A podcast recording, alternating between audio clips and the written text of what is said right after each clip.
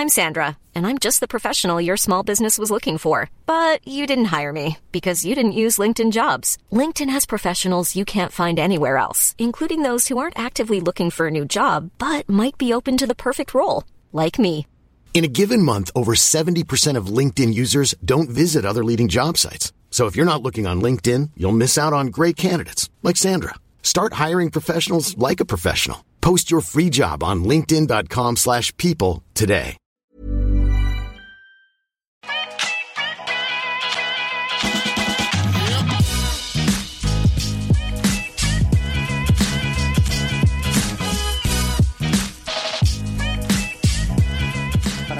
Ja. kvalitet. Men nu, nu spelar vi in. Hej Christer! Hej Tanja. Sanja, förlåt. Ta den igen då. Ja, vi kör igen. Hej Christer! Hallå där Sanja. Så roligt att ha med dig i min podd. Det är ju en ära. Ja, men den är ömsesidig. Den är verkligen ömsesidig. Tack! Och jag har ju lyssnat på många av dina avsnitt. Jag har till och med skrivit till dig, minns jag, på LinkedIn ett år sedan när jag var vilsen och jobbade på hästen så behövde bara liksom behövde prata med dig. Och du var så härlig och skrev tillbaka och faktiskt tog ett samtal med mig när jag var mitt i New York med jobb. Eh, en halvtimme. Eh, och det kanske du inte minns, men du var så himla tillmötesgående. Vilket jag uppskattar.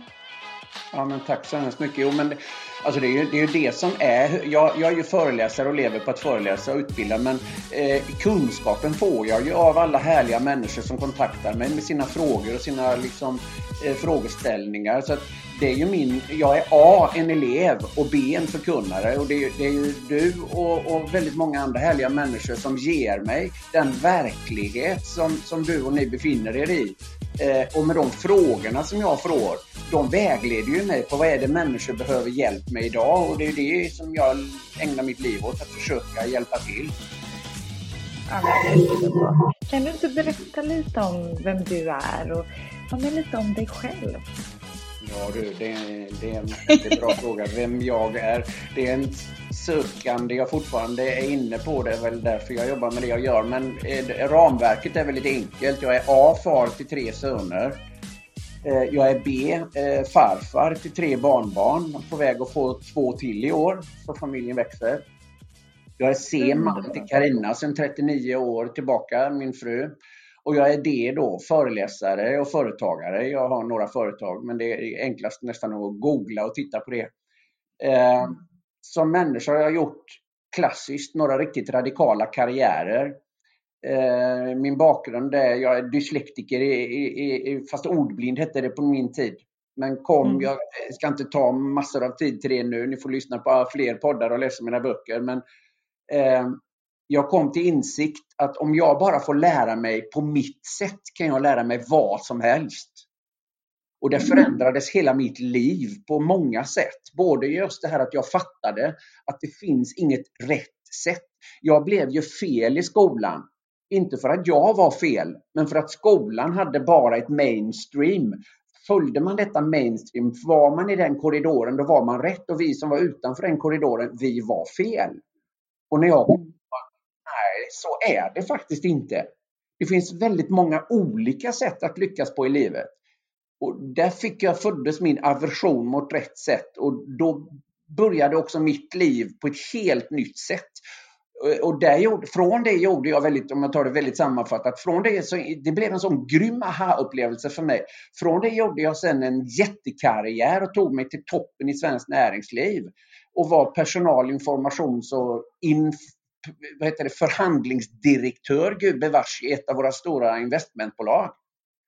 Eh, och 30 år gammal så var det min dåvarande mentor. Min mamma dog nämligen 30 år gammal när jag var fyra. Pappa dog 46 år gammal när jag var 15. Så jag har haft mentorer hela mitt liv. Eh, men då var det min mentor som sa till mig, Christer Sand, det här börjar bli lite löjligt för jag, jag drevs ju väldigt mycket av revanschism och kompensationspsykologi. Och då sa han till mig, Christer det här börjar bli lite löjligt. Det du behöver det inte, det är inte mer utbildning utan du behöver träffa en psykolog. Eh, och så gjorde jag det. Jag träffade en psykolog eh, när jag var 30 år gammal och mitt i karriären. Och då fick hon mig att tänka till på, Christer, För vem försöker du ljuga? ljuga, det var Freud som var framme. För det var verkligen så. För, för, för vem försöker du duga? Var det hon sa. Varför gör du det du gör? Vad är det för drivkrafter i dig? Och det, det var ju revanschism och kompensation och jag skulle minsann visa någonting för mina gamla antagonister hemma på Öckerö. Eftersom jag inte var någon skulle jag bli någon. Eftersom jag inte var något skulle jag bli något. Och hon fick ju mig att fatta att, men Christer, det är ju faktiskt dina gamla antagonister hemma på Öckerö, de driver fortfarande ditt liv. Du förhåller ju dig till dem hela tiden. Och det var en sån grym aha-upplevelse. Hur tar med sig ut något sånt? Tappar man bort sig själv då? Bara så här, vad har jag gjort alla dessa år? För vem? Ja. Och hur blickar man framåt? Ja, det hade jag ju gjort. Jag hade ju tappat mig. För jag, jag drevs jag av att bevisa någonting för dem. Eh, mm. Och jag skulle minsann bli rik och framgångsrik och jag köpte fräcka bilar och sportbilar och var hemma och stoppa i halsen på dem. Men hon fick ju mig att begripa att du är inte fri. Du gör ju massa saker för att bevisa dig för andra. Vad vill du själv? Eh, och det blev sen min största livsfråga länge och det heter också min första bok. Vart är du på väg och vill du dit? Eh, och när jag verkligen började fundera på den frågan, då hoppade jag ju av och började läsa psykologi istället för att göra min ekonomiska karriär. Så det var ett långt svar på en kort fråga, men jag tror den ändå säger ganska mycket inför vårt fortsatta samtal och till de som lyssnar. Liksom, vad är min bakgrund? D där har du mycket bakgrunden och, och de aha-upplevelserna som är grunden till varför jag jobbar med det jag gör idag. Verkligen, och jag tror att så många känner igen sig, inklusive mig själv, att det är sådär vart är man på väg och vill man dit? Och jag tror att många känner också en extremt stor press med vart vill jag egentligen? För nu har det blivit så stort också med att faktiskt hitta din inre passion, din inre kall. Så jag kan också tro att många blir stressade och blir så här, men vad vill jag egentligen? Eller, eller sådär. Men hur, vad har du för liksom tips och tekniker för hur man ska tänka för att verkligen hitta så här, vem gör jag saker för och vad vill jag egentligen? Och det, just den sista frågan du ställer mm. är den viktiga. Och, och, det som jag är så ledsen för idag, det är att så många människor, unga och gamla, men framförallt unga, eh, de har liksom fastnat i livet som ett prestationsprojekt. Det är två stora bekymmer just nu. Ja, man, vi har grundlurat flera generationer av unga människor till att tro att man ska växa upp och bli stark och självständig och klara sig själv. Och det är ett bedrägeri. Det är en av mina viktigaste frågor just nu. För ensam är inte stark. Ensam är död i vår evolutionära hjärna. Eh, du ska inte alls växa upp och vara stark och självständig och klara dig själv. Du ska växa upp och fatta att alla människor är bra på någonting. Du är bra på någonting, andra är bra på andra saker. Du ska vara bra på det du är bra på. Sen ska du jobba ihop med andra människor som är bra på det du inte är bra på. Vi har i 10 000 generationer levt i flockar. Där hela idén var att vi är olikheter i samverkan gynnar vår överlevnad. Mm. Så att ja, det, det, det ena, liksom, livet är ett tillsammansprojekt. Det andra är sluta och se livet som ett prestationsprojekt till ett maximerarprojekt. Vad är meningen med livet?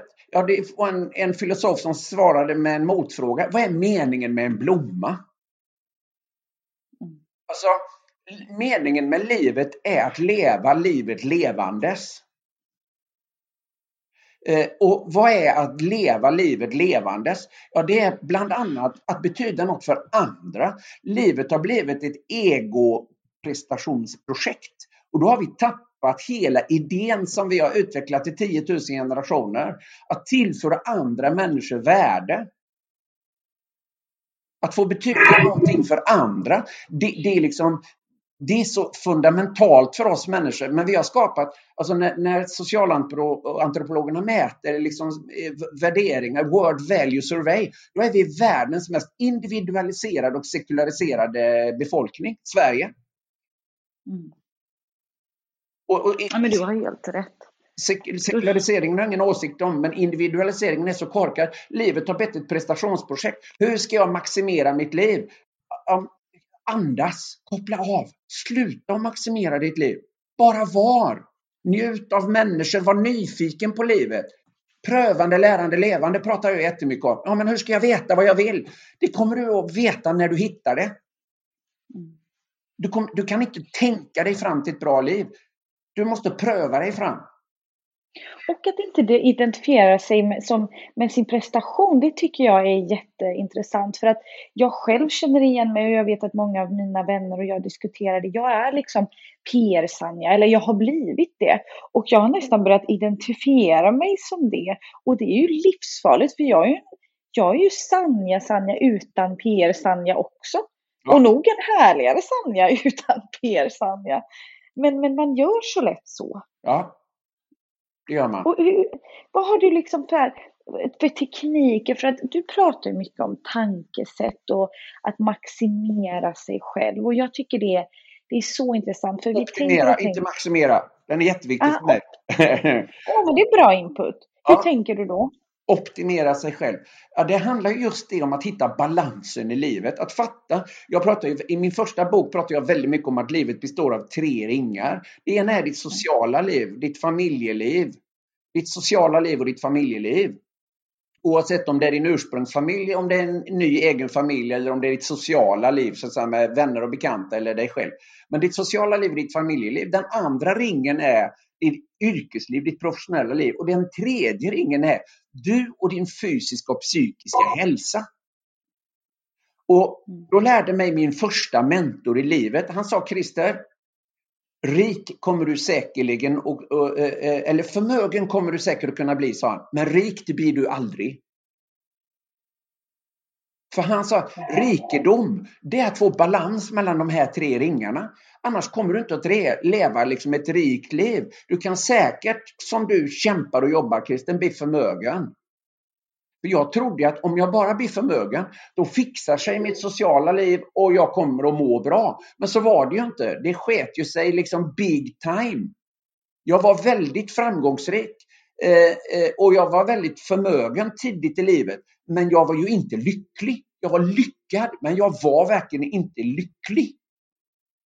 Utan jag gick omkring och var livrädd för att de skulle komma på mig. Jag är inte så duktig som de tror. Tänk om de kommer på mig. Det var min starkaste känsla. Jag hade alltid till det yttre såg allt perfekt ut. Det var Armani, Connoliani, Bruno Magli på fötterna. Tutti perfetto. Det fanns ingen sprick i den fasaden.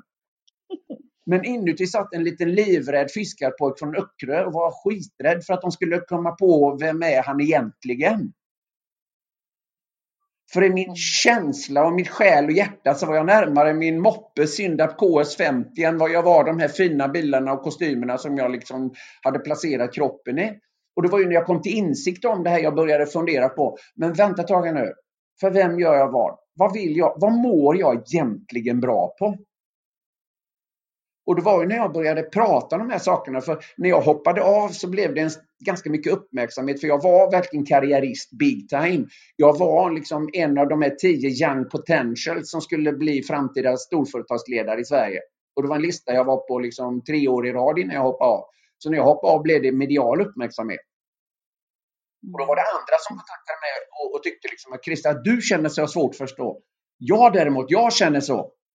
Och då tycker jag, men vänta ett tag nu, du är ju duktig på riktigt. Och då säger de, tror du ja?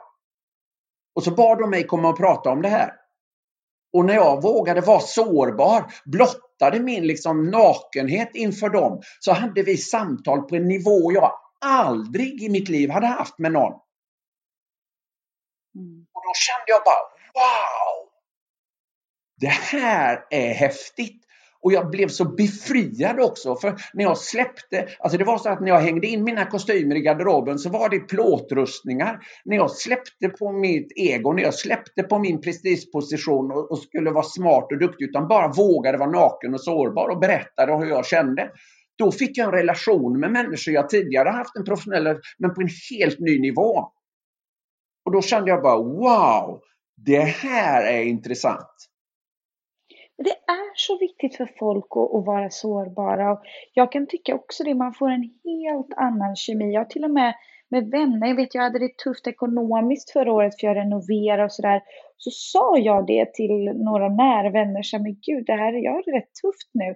då fick jag helt plötsligt, i och med att jag delade med mig och liksom mådde lite dåligt över det här, så var det fler av dem som bara sa, men det har jag också haft den här perioden, då var det riktigt illa. Jag bara, varför har vi aldrig pratat om det här? Alltså vi ska ha något sånt där face-on och vi är nära vänner. Men ändå så ska alla vara så duktiga utåt istället för att jag mådde ju också skitmycket bättre efter att de hade delat det här. För då kände jag, jag är inte ensam. Nej, Precis så är det. Och du vet, det här är till alltså tar du på en professionellt perspektiv. Jag pratar väldigt ofta om det. Google har till och med forskat på det här utifrån så att säga. Eh, vad, är, vad är det egentligen som skapar... Så Google gjorde ett jätteprojekt där man tittade. Vad är Googles mest produktiva, innovativa och effektiva team? Och så gick man igenom hela Google, och, och, alltså ett jätteprojekt. Eh, och det här kan ni googla, eh, fyndigt men, men eh, sammanfattat så är det sex faktorer som de identifierar. Tydliga mål. Vad kännetecknar en riktigt effektiv grupp eh, oavsett vad, vad de ska göra? Tydliga mål. Meningsfulla uppgifter. Mm. Tydliga roller. Och det där är liksom check, check, check för sådana som jobbar med det som jag gör. Men sen kommer tre faktorer som är de vi pratar om. Och då visar det sig att Googles mest innovativa, produktiva och effektiva team, de var omtänksamma, öppna och sårbara. Mm. För när du skapar en miljö i en grupp eller i ett privat sammanhang, oavsett om gruppen har ett kommersiellt syfte eller ideellt syfte eller privat syfte. Men när, när människor vill varandra väl så vågar du öppna dig och vara sårbar. Och då är det så att vi människor är genetiskt betingade att hjälpa en människa som visar strupen, att hjälpa en människa som visar sig sårbar. Metaforen i vår filosofiska skrift, Bibeln, är ju eh, den barmhärtige samariten och liksom den här att, att vi hjälper människorna som behöver hjälp oavsett i vilket läge de befinner sig. För det är en människa som visar sig sårbar. Och då, då, då reagerar vi så som dina vänner gjorde när du visade sig sårbar. Det gäller alltid. Paradoxen är all, att det krävs styrka. I, I vårt samhälle krävs det, man måste vara stark för att våga vara sårbar. Det är ju det som är så idiotiskt. Verkligen. Och, och, speciellt bland män tycker jag att det är ännu tuffare klimat med att vara sårbar. Men där har också börjat hända en hel del märker jag i varje fall med mina killkompisar. Men du nämnde någon intressant del av de här tre bitarna som måste vara på plats. Eh, som jag också tycker är väldigt intressant att höra din åsikt kring. Det är relationer. Alltså de är ju extremt viktiga oavsett om det är vänner, pojkvän, flickvän, familj, vad som helst. Ja. Kan inte du prata lite hur man lyckas med sina relationer, liksom har har, har lyckade och fina relationer vid liv och, och, och liksom få det att funka. det, det är the billion dollar question det du. Uh, nej men vet du vad, jo, jag, jag, jag, har ändå liksom, jag menar jag är 63 år gammal, jag har jobbat med det här nu i 30 år. Jag har sett så många människor få det att funka. Jag har också sett så många människor inte få det att funka. Det finns inget enkelt svar, det finns inget liksom alltid och aldrig. Men min reflektion då, Eh, utan att liksom, eh, göra några anspråk på att ta sanning. Men ifrån min, mitt perspektiv så är min reflektion och min spaning i det väldigt enkel. Och det handlar om det vi var inne på. Att inte gå omkring och fundera på liksom, what's in it for me? Eh, nätverk, det är alltid, ja, eh, jag är med i ett nätverk för jag får ut så mycket av det. Istället fundera på vad tillför du för värde till flocken? Att fundera på, liksom, inte what's in it for me, utan what's in it for you? Hur får vi bra relationer att funka? Jo, genom att vara omsorgsfull om den andra. Jag pratade om de här tre ringarna förut. Men nu är det så att så fort du har en vän eller en partner eller någon du vill ha en bra relation till, då kommer ju den personens tre ringar att influera på dina ringar. Om jag tar en nära relation som i mitt fall Karina och det var ju det som min mentor fick mig att fatta. När jag pratade om mina tre ringar och tre ringar och tre ringar, jag gjorde samma misstag som alla andra. Jag skulle eh, maximera mitt liv istället för att optimera det. Och då fick han ju mig att fatta, men Christer, liksom, du har inga tre ringar.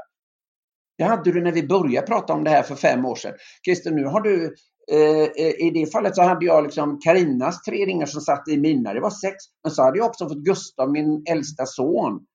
Så han sa, Christer du har nio ringar. Och kom ihåg Hur sa... menar du med de ringarna? Att de påverkar ditt liv då? Ja, det gör de. Vi sitter ju ihop. Vänner som är nära vänner på riktigt. Eller oavsett vad, de, de, de, de berör ju dig. Vi behöver varandra. Människan är inte en autonom, eh, ensam, stark varelse. Vi är beroende av varandra. Ingen människa är en ö. Vi sitter ihop med andra människor. Alltid. Livet är ett tillsammansprojekt.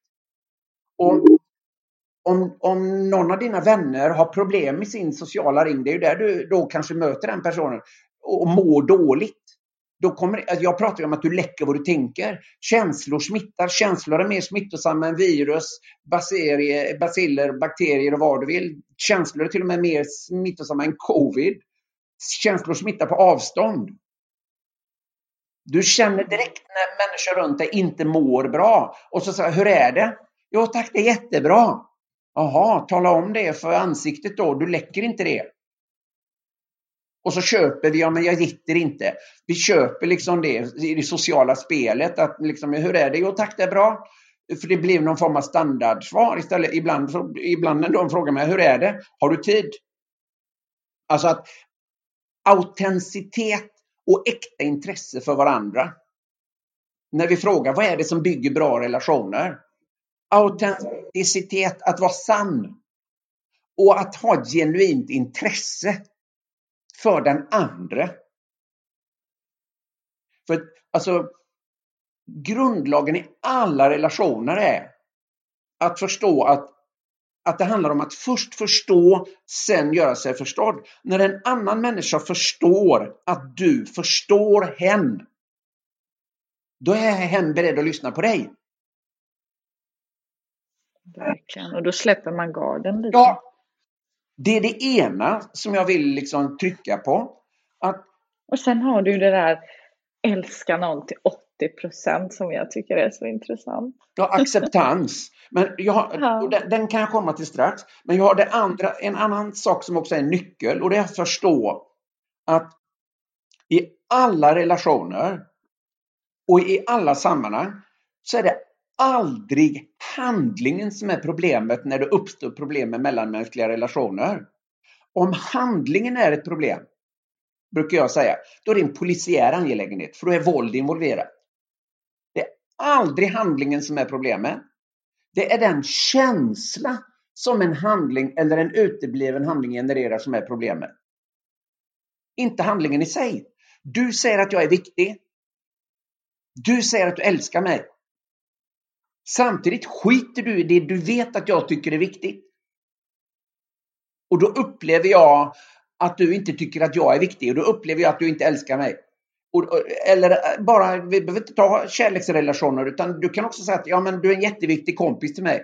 Ja, du säger att jag är väldigt viktig. Samtidigt skiter du i det du vet att jag tycker är viktigt och då upplever jag att du skiter i mig och då upplever jag att du inte tycker att jag är viktig. Alltså det är en känsla. Mm.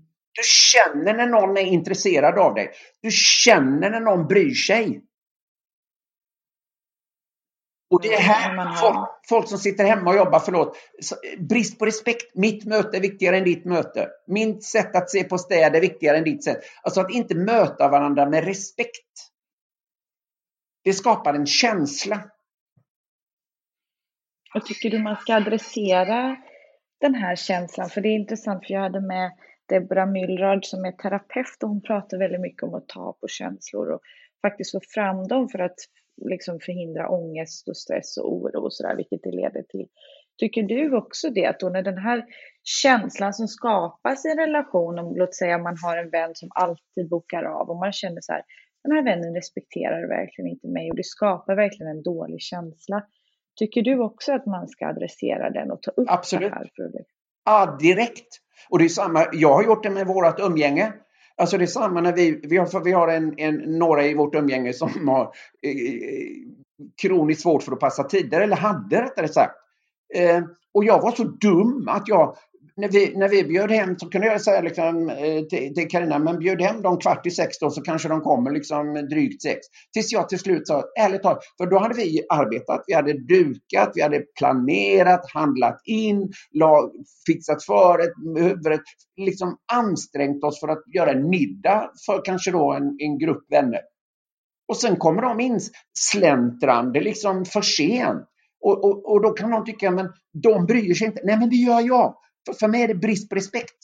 Så vid ett tillfälle när de kom, eh, tack och lov ganska tidigt i livet, vid ett tillfälle när de kom så sa de, ja vi, vi, är hemskt, vi, vi, vi, vi ber om ursäkt eh, att vi är sena. Nej, det är faktiskt inte okej. Okay.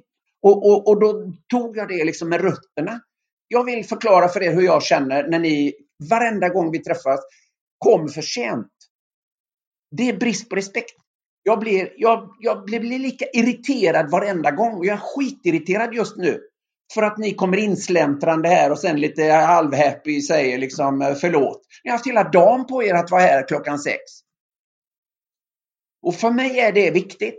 Och, och då kan någon tycka, ja men vem har sagt att ditt sätt är rätt sätt? Nej, det har jag inte sagt. Men jag har sagt att så känner jag. Och om ni nu tycker att, att våran relation är viktig, då ber jag er att nästa gång vara i tid. För för mig är det mycket mera än fem eller tio minuter i tid. Det handlar om respekt. Sen dess har de aldrig kommit för sent kan jag säga. Och det är snarare vi brukar, liksom det, att vi skojar om det. Men då slipper jag det. Men de kunde ju också sagt, ja men Christer, vårt sätt att vara, det är faktiskt att vi tycker inte livet är så krono. Vi är inte så bestämda. Vi lever inte så binärt som du gör Christer. Så vill du umgås med oss får du acceptera liksom att vi kommer när vi kommer. Och då kunde jag svara att då skiter vi i middagar. Vi får umgås på annat sätt men vi skiter i någonting som har med tider att göra. Eller också kan jag sagt, nej men okej, bra tack. Ni har just talat om för mig att jag är inte tillräckligt viktig. Då, då, får vi liksom, då får jag acceptera och respektera det. Men att, att ta, gå i dialog om den känslan. Sen har inte mitt sätt rätt och inte deras sätt, men absolut, ta upp känslan, prata om det. Det är ju här nio av tio liksom, relationer skiter sig för att man inte pratar om känslan. Man pratar om situationen. För det är ju inte fem minuter som är problemet. Det är känslan av brist på respekt. Verkligen. Och att man inte säger något. Utan det är lite som du sa, man låter bägaren rinna över. Ja. Och då kan ni göra det på helt fel person ibland. Ja, eller på fel sak. Ja. Och det är så onödigt. Och jag vet så många som man är, man, och, och utifrån mig själv, att man går och är irriterad på någonting. Jag har i och för sig verkligen jobbat på det och liksom säga att så här, jag stör mig lite på det där, kan vi inte, det är väldigt viktigt för mig, kan vi inte göra sådär?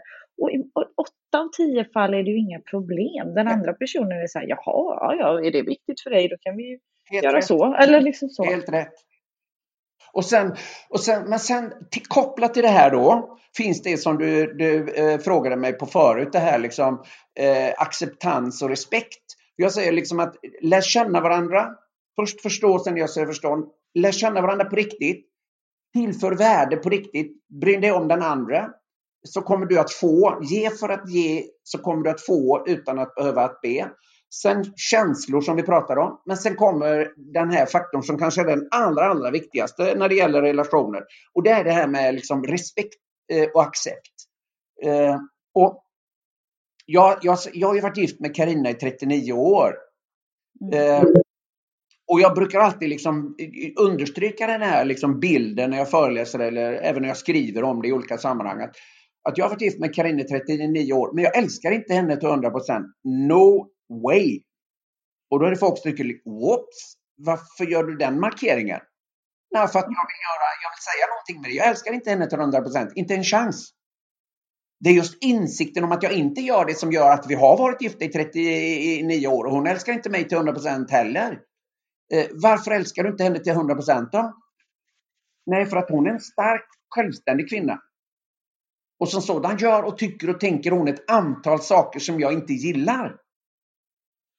Det är ju det jag gillar. Jag gillar ju att hon är stark självständig, men jag gillar ju inte alltid det hon gör när hon är det. Mm, men du kan ju inte få det ena utan det andra. Och jag brukar säga att eh, jag, jag möter ju män i min egen ålder idag som är inne i både andra och tredje relationen och säger att ja, jag vill ju också ha en stark och självständig kvinna, Christer, men jag vill ju helst att de ska göra som jag vill. Jaha, smart. Lycka till med livet du, Pucko. Det känns också som att så här, jag är 30 år då och det känns också så här, vilken generation man än är i och, och speciellt nu tycker jag bland mig och mina liksom, lik gamla kompisar att det är, man tror att gräset är grönare hela tiden. Ja. Och jag bor i Stockholm, det är liksom singelstaden nummer ett. Man eh, liksom hittar fel, man tror ja. att det ska vara 100 procent. Ja. Man blir så trött på det där. Ja. Det är så idiotiskt. Och jag, jag, jag, jag har suttit i veckan nu och svarat på flera mejl jag har fått liksom, eh, eh, eh, efter ett annat, liksom, i, en, i ett annat, från ett annat... Ja, Bianca postar ju. Det var ju så bra. Vad sa du? Att? Bianca delade det där ja. var ju så roligt. Ja, Alla bara så här, relation. fortsatt in, inlägg sen hon hon gick ut till sina 1,2 miljoner följare och rekommenderade dem att lyssna på, på den här framgångspodden. Det är ju dröm! Ja, och det blev så att jag har ju haft enormt och fantastiskt kul. Men så jag, jag sitter ju varje dag nu och svarar på liksom eh, 15-20 mejl för att beta av liksom inkorgen. Och det är jättekul. Jag älskar det verkligen. Men där är många sådana här relations... För det är mycket de här relationsfrågorna som, som man berörs av. Och det jag ju säger då liksom, och har fått från den här Marie på IKEA då, jag behöver inte dra hela historien, men, men som sa liksom att jag, jag älskar dig till 80 procent och resten har jag bestämt mig för att acceptera. Och för mig är det en jobbfråga, det är en föräldrafråga. Jag är vansinnigt glad att inte ha perfekta barn, för jag är ingen perfekt pappa. Jag är vansinnigt glad att inte ha en perfekt fru, för jag är ingen perfekt man. Jag är glad att inte ha perfekta vänner, på tal om det här med tider och annat, för jag är ingen perfekt vän. Men att prata om de här sakerna, men också bestämma sig för att jag älskar min fru till, till 80% resten har jag bestämt mig för att acceptera. Mm. Och ibland kan ju till exempel det här med tider vara en sån, nej men det här väljer jag. Notera att när jag säger att jag, jag älskar dig till 80 procent. resten har jag bestämt mig för att acceptera. Det innebär ju också att jag har ju tolkningsföreträde vad jag väljer att acceptera hos Karina. Hon har ju tolkningsföreträde vad hon väljer att acceptera hos mig. Jag kan till exempel välja, ja men det är ju charmigt, de är, ja men jag älskar, de är så charmiga och trevliga och de, de slarvar med tid. Men jag skiter i det, jag har valt att acceptera det. Men i ett annat sammanhang så kan jag känna, nej, det här är inte slarv, det här är ignorans. Det här är inte okej. Okay. Och då säger jag det.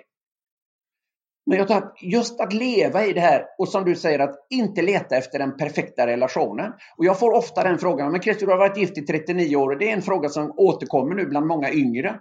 För de, många lever ju då som, med, med skilda föräldrar och så här. Och jag säger här är en av de stora problemen med att folk ska maximera sina liv och tror att de ska hitta den här eviga förälskelsen. Och den är så dum! För den finns inte. Förälskelsen är max tre år. Eh, och sen handlar det om, sen handlar det om att, att älska och fatta att älska är ett verb. Och jag säger ju att, att man behöver liksom förstå det liksom att, att eh, det, älska är något man gör.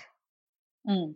Eh, och, och, det är inget som är och man, man behöver välja. Jag, jag, jag, jag, jag har levt ihop med Karin och jag brukar säga också att jag är tillräckligt ofta förälskad i min egen fru för att leva ett lyckligt liv. Däremellan lever vi som livskamrater. Vi delar en vardag, vi, vi tycker om samma mat för det mesta. Och hon har ett liv och jag har ett liv, men vi har också ett gemensamt liv.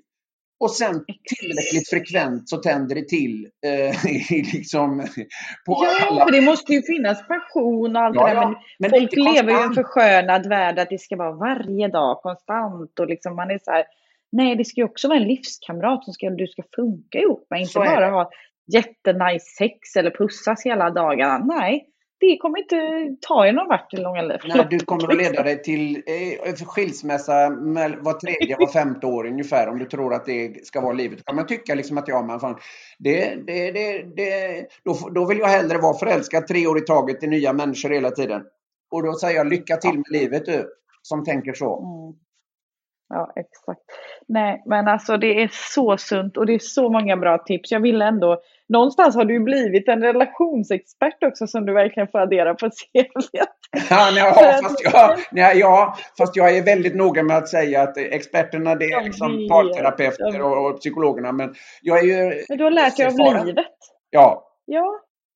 Jag har lärt mig av livet och jag har sett väldigt många människor som får det att funka. Och jag har sett väldigt många som inte får det att funka vad de gör och det är ju det jag pratar om sen. Så att... Eh... Nej, men det är helt underbart. Och nu när folk är jättenyfikna på dig och jag menar många vet ju vem du är och sådär. Hur hittar man till dig lättast? Vart är du mest aktiv? Är det Instagram äh, LinkedIn. eller LinkedIn?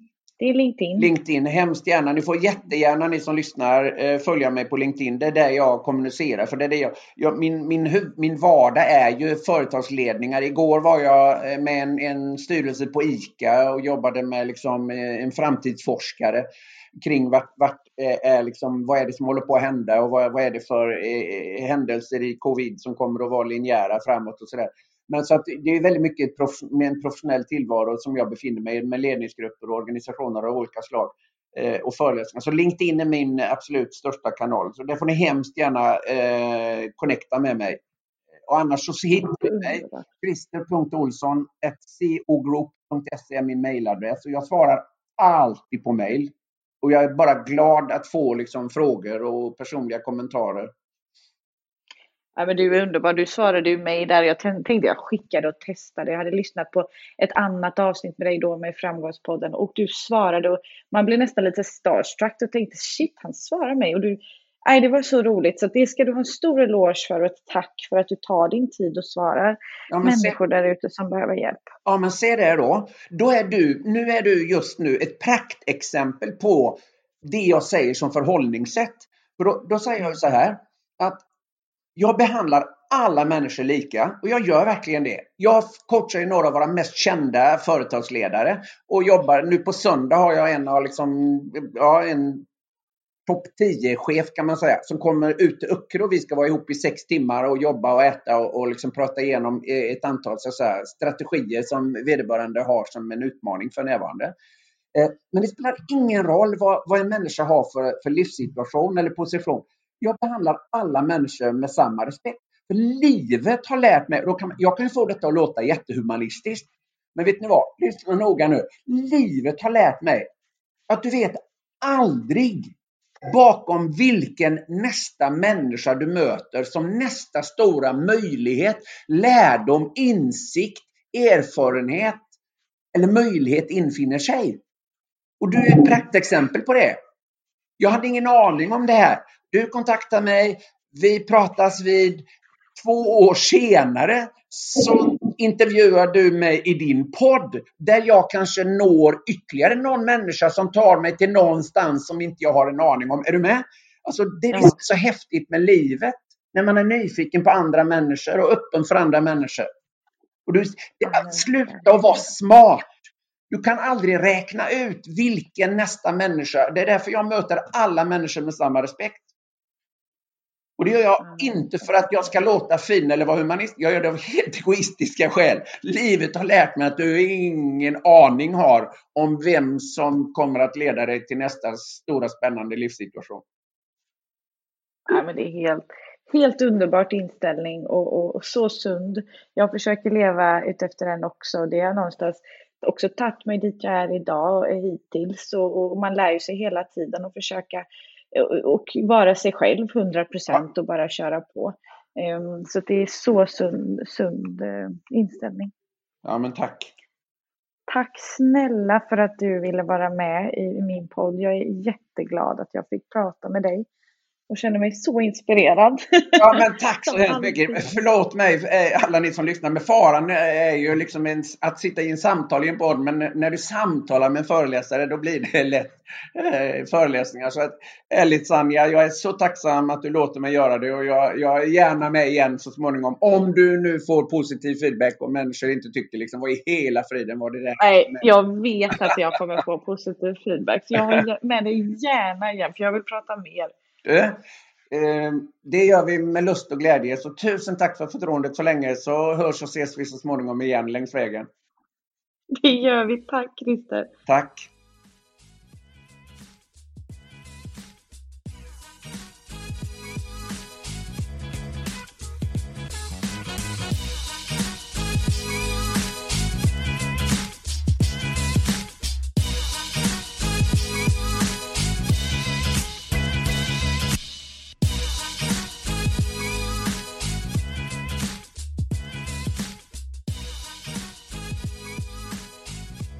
Gillar ni podden så vore jag sjukt glad om ni ville gå in och gilla den, dela med era kompisar men också lägga en liten review. Mom deserves the best and there's no better place to shop for Mother's Day than Whole Foods Market. They're your destination for unbeatable savings, from premium gifts to show-stopping flowers and irresistible desserts. Start by saving 33% with Prime on all body care and candles. Then get a 15-stem bunch of tulips for just $9.99 each with Prime. Round out Mom's menu with festive rosé, irresistible berry chantilly cake, and more special treats. Come celebrate Mother's Day at Whole Foods Market. Planning for your next trip?